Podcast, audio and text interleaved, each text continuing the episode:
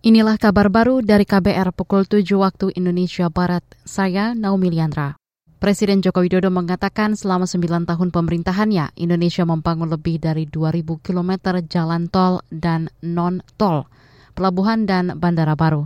Presiden menyampaikan itu saat menghadiri konferensi tingkat tinggi untuk konektivitas BRF di China. Jokowi menuturkan Indonesia juga membangun konektivitas melalui pembangunan infrastruktur kecil yang tersebar di seluruh desa di tanah air. Ada lebih dari 320 ribu kilometer jalan desa, 1,7 juta meter jembatan, dan lain-lainnya. Presiden Jokowi menyebut Indonesia terus memperluas konektivitas digital untuk menjangkau daerah terluar atau perbatasan. Selain itu, pembangunan fasilitas-fasilitas pelayanan masyarakat seperti fasilitas kesehatan dan pendidikan. Menteri Lingkungan Hidup dan Kehutanan Siti Nurbaya menyatakan komitmen pemerintah untuk terus menurunkan emisi gas rumah kaca GRK.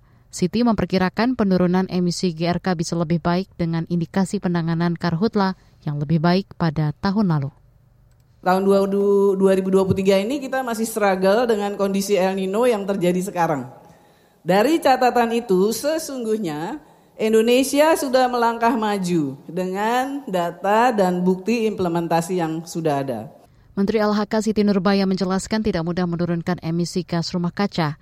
Kata dia tantangannya sangat besar karena harus membangun untuk kesejahteraan masyarakat guna pemenuhan energi per kapita khususnya listrik.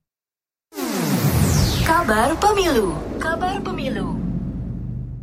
Ketua Pengurus Besar Nadlatul Ulama PBNU Ahmad Fahru Rozi NU tak akan mengarahkan warga Nadliyin untuk menjatuhkan pilihan kepada salah satu pasangan calon presiden, wakil presiden. Ia meyakini masing-masing pasangan calon memiliki daya tarik dan pendukungnya sendiri. Kalau NU ini adalah organisasi kemasyarakatan, organisasi keagamaan, jadi kita bukan pada ranah untuk mendukung atau tidak mendukung calon tertentu. Kita serahkan masing-masing warga kita ini sudah sudah teredukasi dengan baik dan masyarakat ini sudah semakin apa ya semakin pintar bisa memilih dengan berbagai pandangan-pandangan yang saya kira tidak mudah sekarang untuk diarahkan oleh oleh siapa pun. Ketua PBNU Ahmad Farurozi mendorong agar pemilu 2024 berjalan dengan baik, aman, bebas dari perpecahan, dewasa, objektif, dan bertanggung jawab.